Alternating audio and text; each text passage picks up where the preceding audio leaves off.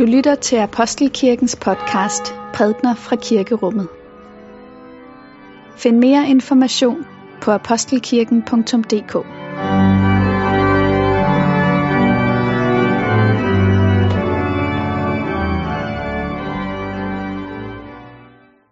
Godmorgen og velmødt til gudstjeneste på denne 13. søndag efter Trinitatis. Vi skal i dag høre en beretning om rivalisering blandt disciplene. Og titlen på dagens gudstjeneste er Kampen om pladserne. ord. For Guds ord i skriften, for Guds ord i blandt os, og for Guds ord inden i os, takker vi dig Gud. Da kom Zebedeus-sønnernes mor hen til Jesus sammen med sine sønner, kastede sig ned for ham og ville bede ham om noget. Han spurgte hende, hvad vil du? Hun sagde til ham, sig at mine to sønner her må få sæde i dit rige, den ene ved din højre og den anden ved din venstre hånd. Jesus svarede, I ved ikke, hvad I beder om. Kan I drikke det bære, jeg skal drikke? Ja, det kan vi, svarede de. Han sagde til dem, Mit bære skal I vel drikke, men sædet ved min højre og ved min venstre hånd står det ikke til mig at give til nogen. Det gives til dem, som min fader har bestemt det for. Da de ti andre hørte det, blev de vrede på de to brødre. Men Jesus kaldte dem til sig og sagde, I ved, at folkets fyrster undertrykker dem, og at stormændene misbruger deres magt over dem. Sådan skal det ikke være blandt jer. Men den, der vil være stor blandt jer, skal være jeres tjener, og den, der vil være den første blandt jer, skal være jeres træl. Ligesom menneskesønnen ikke er kommet for at lade sig tjene, men for selv at tjene og give sit liv som løsesum for mange. Lad os bede. Må min munds ord og vores hjerters tanker være dig til behag, Gud. Amen. Det er ikke nogen særlig charmerende beretning, den vi netop har læst om disciplene, om de to Zebedeus-sønner, der fik deres mor til at indgive et ønske hos Jesus, om at han vil reservere pladserne ved sin højre og sin venstre side til dem. Hvad var det egentlig, de bad om? Zebedeus-sønnerne. Hvad var det, de ville have? Ja, de ville jo have et privilegium. Ikke? De, ville, de ville sikre sig, at når Jesus engang kom til magten, og når han tog sæde på sin kongetrone, at de to mest magtfulde pladser, pladserne helt tæt ved kongen på hans højre og hans venstre side, de var reserveret til dem.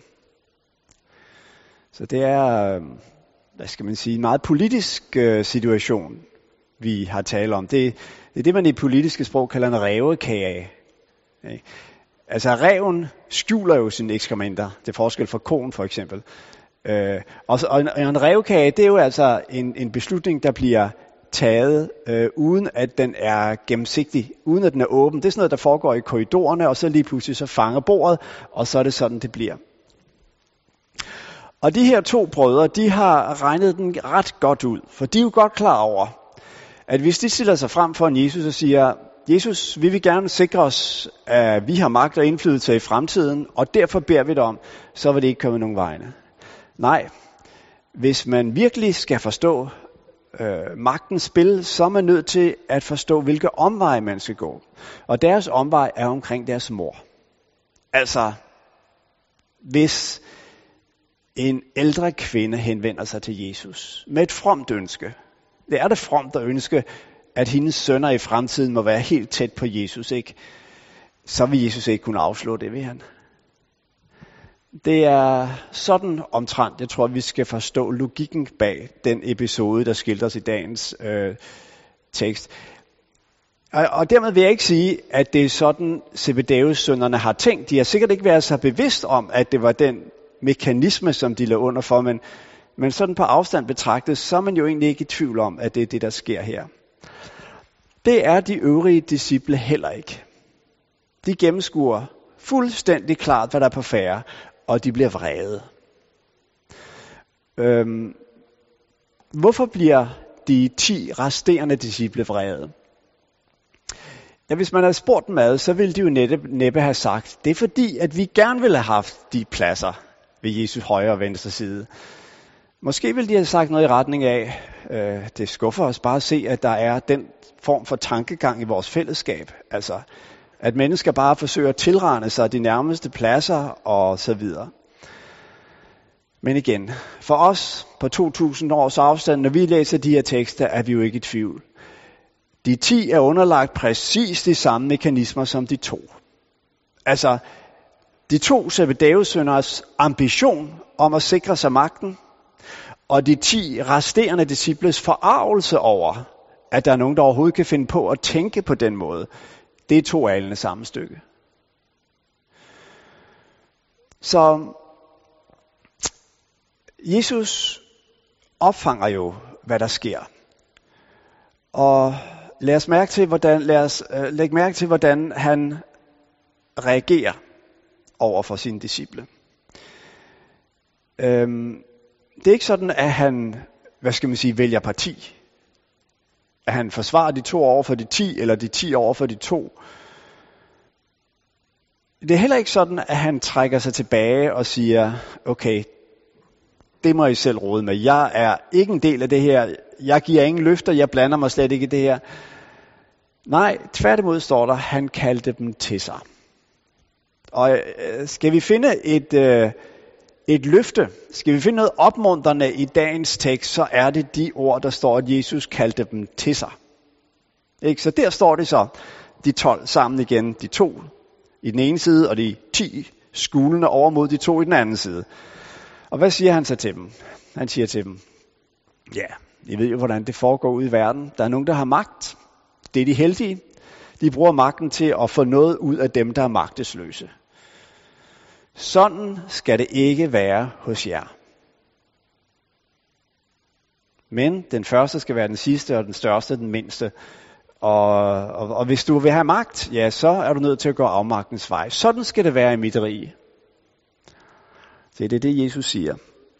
Og, og, og når han siger det, så har det en ganske særlig vægt. Fordi at Jesus jo var den, der levede det ud. At han ikke kom for at blive tjent, men selv at tjene. At han gav sit liv som løsesum for mange, som der står. Det er ikke bare sådan en øh, ideologi, han taler om. Det er en vej, han har gået, og han siger til sine disciple, hvis, hvis de vil følges med mig, så, så er jeg altså nødt til at komme ind på den her vej. Det er sådan, det skal være. Ja. Så det er sådan øh, tankegangen i teksten, vi har læst, som jeg kan forstå den. Og her sidder vi så i dag. Vi kan se tilbage på en lang kirkehistorie, og må spørge os selv, lykkedes det så? Blev det rige etableret, som er anderledes? Hvor der ikke er kamp om pladserne, men hvor den sidste bliver den første, og den første den sidste, og, og så videre. Og svaret, hvis vi skal læse kirkehistoriens øh, øh, beretninger igennem, det er jo nej. Det lykkedes desværre ikke. Den historie, som vi er en del af, det er en historie med masser af kamp om pladserne, om indflydelsen. Masser af rævekager. Masser af historier om, hvordan man ligesom skyder de andre dårlige motiver i skoene, øh, og i virkeligheden er svært ved at se ind og, og få øje på det mørke, der er i ens eget sind. Så vi er egentlig ikke kommet så meget længere end de første disciple. Men hvis vi ikke er kommet længere end de første disciple, så skal vi også bemærke det håb, der ligger i teksten. Som også er vores håb i dag. Nemlig, Jesus kaldte dem til sig. Altså at de her disciple, som så snart de blev overladt til sig selv, havnede i de her alt for menneskelige kampe med hinanden. De her mennesker, der var som får, der gik i hver deres retning, de havde en hyrde. Og når den hyrde kaldte af dem, ja, så kunne det ske, at de samledes. Og når de samledes og var i hans nærvær, ja, der skete der det forunderlige, at de her bånd, de her kampe, det blev ligesom opløst. De mistede kraften De blev løsnet, og disciplene blev sat fri til at gå ud i verden og tage del i den. Ikke som mennesker, der skal kæmpe for at få magt og indflydelse, men som mennesker, der følger Kristus, og som er med til at være vidner om hans rige, om hans sejr, der er vundet, og gør os fri fra at skulle kæmpe for vores egen sejr. Jeg læste, jeg læste for nylig et lille skrift af Václav Havel, den store tjekoslovakiske øh, tænker, øh, journalist, senere præsident over Tjekoslovakiet efter murens sammenbrud. Det er en meget berømt lille skrift, der hedder De magtesløses magt. Måske det mest betydningsfulde skrift til at forme ligesom øh, øh, folkenes identitet i hele den østlige blok efter Sovjetunionens øh, sammenbrud. I det her skrift stiller han spørgsmålet. Når man lever i et samfund, i en stat, hvor der er kontrol og frygt, hvordan kan man så blive sat fri igen? Og vi skal huske på, at den er skrevet i 1978, altså længe før murens fald. Og hans svar er, det kan man, hvis der er nogen, der våger at leve i sandhed. Og hvad betyder det så at leve i sandhed? Han giver følgende eksempel. Det er sådan, siger han i Tjekoslovakiet, at øh, hos langt de fleste grønthandlere, så ser man i deres øh, vinduer, ud over alt det grøntsager og frugt, så ser man gerne et lille skilt, hvor der står slogan som for eksempel, arbejder for en jer. Det er et skilt, som grønthandleren har fået sammen med sine varer nede fra grøntorvet. Og der er en forventning fra systemets side om, at han sætter det her skilt i vinduet. Og grønthandleren, han gør det. Hvorfor gør han det? Gør han det, fordi han virkelig står inden for det her slogan? Og fordi han tænker, jeg vil gerne støtte op om det her system, der er med til at forene arbejderne. Nej, det er de for længst holdt op med at tro på i Tjekoslovakiet på det her tidspunkt. Hvorfor gør han det så? Han gør det, fordi han gerne vil slippe for problemer. Fordi han er klar over, at hvis han ikke sætter det op, så er der en risiko for, at det vil blive bemærket, og hvis det bliver bemærket, så kan det blive rapporteret, og hvis det bliver rapporteret, ja, så kan der lige pludselig en dag indfinde sig en herre i hans butik, der gerne vil spørge ham nærmere ud om hans loyalitet over for partiet. Og hele den proces vil han meget gerne være for uden. Så hvis han virkelig skulle skrive, hvad han mente og tænkte i det vindue, så skulle han skrive sådan her. Jeg er bange, lad mig i fred. Eller, kan jeg ikke bare få lov at leve et stille og roligt liv? Jeg skal nok gøre, hvad I beder mig om. Så siger Václav Havel,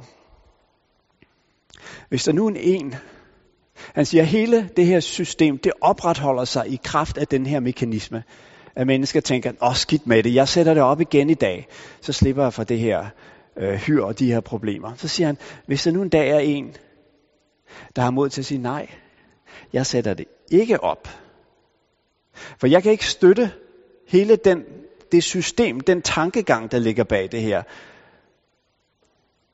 Jeg vil tale sandhed i dag. Hvis der er et menneske, der gør det, så vil kimen være sået, så vil sprækken være skabt, hvor igennem åbningen vil kunne ske og udfolde sig. Så det er modet til at tale sandhed, eller som han siger, at leve i sandhed, som har kraften i sig til at nedbryde det her mønster af magt og kontrol, som kan komme til at præge et samfund.